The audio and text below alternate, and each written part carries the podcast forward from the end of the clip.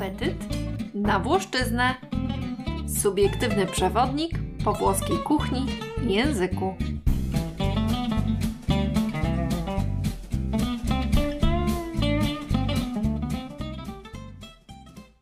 W codziennym zabieganiu dnia roboczego można sobie pozwolić na pewne kompromisy. Na przykład ograniczyć obiad do jednego tylko dania z lokalu o nazwie Tavola Calda, co dosłownie oznacza gorący stół i jest czymś w rodzaju naszego garmarzu. Albo złapać gotową kanapkę panino i popić ją szybkim espresso. Jednak niedzielny obiad, po włosku pranzo della domenica, to prawdziwy rytuał, który mimo zachodzących we włoskim społeczeństwie zmian pozostaje ważny i celebrowany. Właśnie wtedy cała familia, najlepiej pod przewodnictwem uwielbianej babci, gromadzi się przy stole, by niespiesznie konsumować kolejne potrawy. Porządek niedzielnego obiadu znajduje również odzwierciedlenie w kartach dań włoskich restauracji. Dlatego warto go zrozumieć i, gdy nadarzy się okazja, dać mu się ponieść. Po pierwsze, primo, ale nie w tym wypadku. Zanim będziemy gotowi na pierwsze danie, powinniśmy odpowiednio rozgrzać nasz układ trawienny i pobudzić kubki smakowe. I tu z pomocą przychodzą nam antipasti, czyli przystawki. Nazwa antipasto sugeruje nam wprost, że powinniśmy je spożywać przed posiłkiem, ponieważ przedrostek anti oznacza przed, a słowo pasto to właśnie posiłek. Spotkaliśmy je już zresztą wcześniej w odcinku o porach posiłków, gdy dzieliłam się z Wami swoim zdziwieniem na widok ogłoszeń, w których proszono o kontakty w porze posiłków, czyli nelle ore dei pasti. Czym najlepiej rozgrzać swój żołądek, nim niedzielny obiad wystartuje na dobre? Tej roli doskonale sprawdzą się deski lokalnych serów i wędlin, wszelkiego rodzaju panierowane przysmaki, tzw. Tak fritto misto, od ryb i owoców morza, przez kulki mozzarelli, po kwiaty dyni i faszerowane oliwki. Do klasyków należą też grillowane warzywa czy prosciutto e melone, czyli kawałki melona owinięte plastrami surowej szynki. Wybór jest przeogromny i wszystko to jest przepyszne. Ale ani na chwilę nie należy zapominać, że pranzo della domenica to nie sprint, ale bieg zdecydowanie długodystansowy. I warto mierzyć siły na zamiary, pamiętając, że przed nami jeszcze kolejne etapy tego obiadowego wyścigu. Po zaostrzeniu apetytu przystawkami jesteśmy gotowi na pierwsze danie, czyli primo. Może się zdarzyć, raczej zimą niż latem, że będzie to zupa. Jednak zdecydowanie częściej stanie przed nami porcja makaronu lub risotto. Makaron może przybrać formę pasta asciutta, co dosłownie znaczy suchy makaron i może wprowadzać nieco w błąd, bo przecież po wymieszaniu z sosem makaron suchy już nie jest. Nazwa ta nawiązuje bowiem do tego, że po ugotowaniu w wodzie makaron odcedzamy. A zatem, zanim wymieszamy go z sosem, jest on właśnie suchy. Pasta asciutta przygotowuje się tuż przed podaniem i najlepiej uporać się z całą ugotowaną porcją od razu, ponieważ taki makaron zdaniem włoskich smakoszy następnego dnia zupełnie nie nadaje się do jedzenia. Nie jest już al dente, wchłania cały sos, nieprzyjemnie się skleja. Tę filozofię dobrze oddaje włoskie przysłowie Chi conserva per l'indomani, conserva per il cane, oznaczające dosłownie kto zostawia na jutro, zostawia dla psa. A jak wiadomo, przynajmniej w powszechnym mniemaniu, większość psich amatorów włoskiej kuchni potrafi być niezwykle wyrozumiała względem ewentualnych niedoskonałości serwowanych w psiej misce potraw. Z dużym prawdopodobieństwem jednak makaron na pranzo della domenica będzie zapiekany.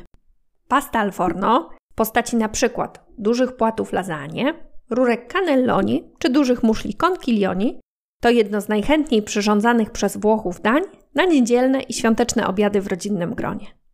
Jego przygotowanie wymaga nieco więcej pracy i czasu niż w przypadku większości pasta asciutta, ale ma tę zaletę, że po podgrzaniu również smakuje wybornie.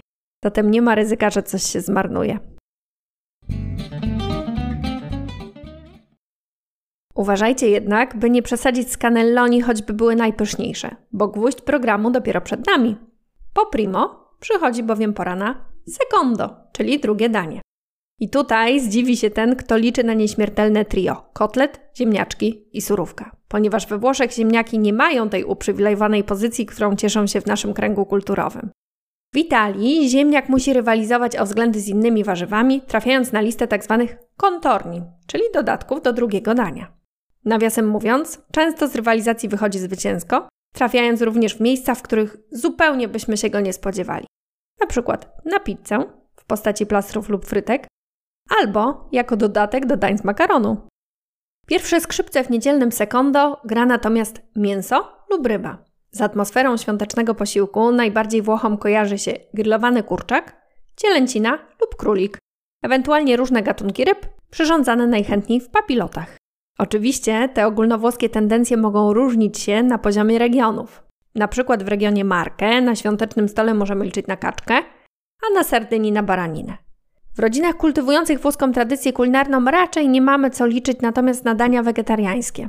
We Włoszech, podobnie zresztą jak w Polsce, przez wieki produkty mięsne były trudno dostępne i uważane za luksusowe, więc dokładano wszelkich starań, by to właśnie one pojawiły się na stole w niedzielę i święta. Oczywiście pranzo della domenica nie kończy się na drugim daniu. Obowiązkowo przychodzi kolej na dolce, czyli deser. W tej kategorii mamy do wyboru różnego rodzaju ciasta, czyli tortę, kremowe desery, które wymagają użycia łyżeczki, czyli dolci al cucchiaio, taki jak tiramisu, któremu przyglądaliśmy się w poprzednim odcinku, oraz sałatkę owocową o intrygującej nazwie Macedonia. Natrafiłam na dwie teorie wyjaśniające pochodzenie nazwy tej sałatki, składającej się z pokrojonej w kawałki owoców przyprawionych odrobiną cukru i soku z cytryny. Pierwsza z nich wskazuje na region Macedonii na Półwyspie Bałkańskim, które zamieszkiwały ludy różnych wyznań o różnym pochodzeniu etnicznym. Stanowiły one miks, który kojarzy się z wielokolorową sałatką z owoców. Druga teoria jest nieco makabryczna. Zgodnie z nią, Macedonia to imię służącej, która nawiązała romans z mężem swej pani, za co ta ostatnia ukarała ją obcięciem języka który następnie pokroiła na drobne kawałki, tak jak kroimy owoce do Macedonii, i wrzuciła do morza. Uf, postawieniu czoła tym wszystkim daniom i historiom z nim związanym, pora na kawę. Myślę, że rozumiecie już, co miałam na myśli, mówiąc w odcinku poświęconym kawie, że po zmierzeniu się z włoskim obiadem raczej nie zmieści nam się już nic więcej niż klasyczne kafe normale. Warto natomiast zwrócić uwagę na miejsce kawy w tym wieloetapowym wyścigu. Jest ono właśnie po deserze, a nie podczas niego.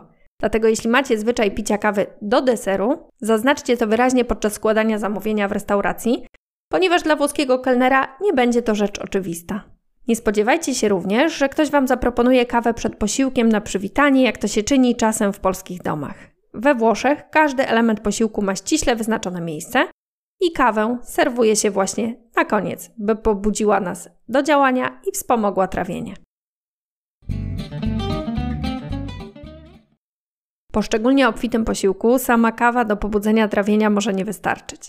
Jeśli szokuje Was nieco, że tak wiele uwagi poświęcam tak przyziemnej kwestii jak trawienie, zwłaszcza podczas rozmowy o rozkoszach podniebienia, spróbujcie się do tego przyzwyczaić, gdyż we Włoszech trawienie nie jest tematem tabu.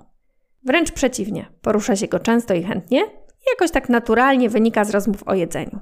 Zresztą właśnie ostatni etap świątecznego posiłku nosi nazwę digestivo od czasownika digerire, czyli właśnie trawić.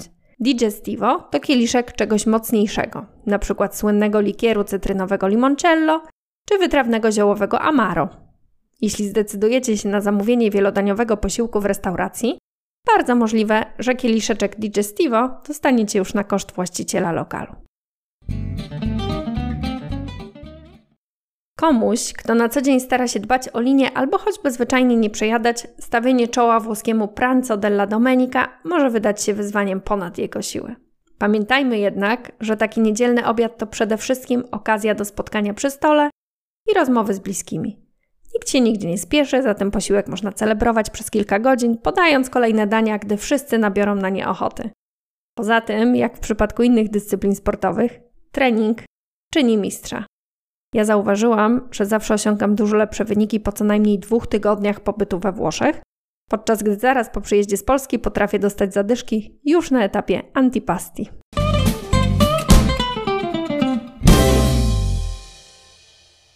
Dziękuję, że wysłuchaliście tego odcinka podcastu Apetyt na Włoszczyznę. Zapis włoskich terminów, które pojawiły się w odcinku, znajdziecie w jego opisie, a pełną transkrypcję na stronie www.apetytnawloszczyznę.pl Jeśli chcecie podzielić się swoimi refleksjami lub zaproponować temat na kolejne odcinki, możecie pisać do mnie na adres apetytnawloszczyznę małpa.gmail.com lub kontaktować się przez profil podcastu na Facebooku i Instagramie. Jeśli podcast Wam się spodobał, nie zapomnijcie dodać go do obserwowanych i podzielić się nim ze znajomymi, którzy również mają apetyt na płaszczyznę. Kolejny odcinek już za tydzień. Do usłyszenia, Karolina Iskier.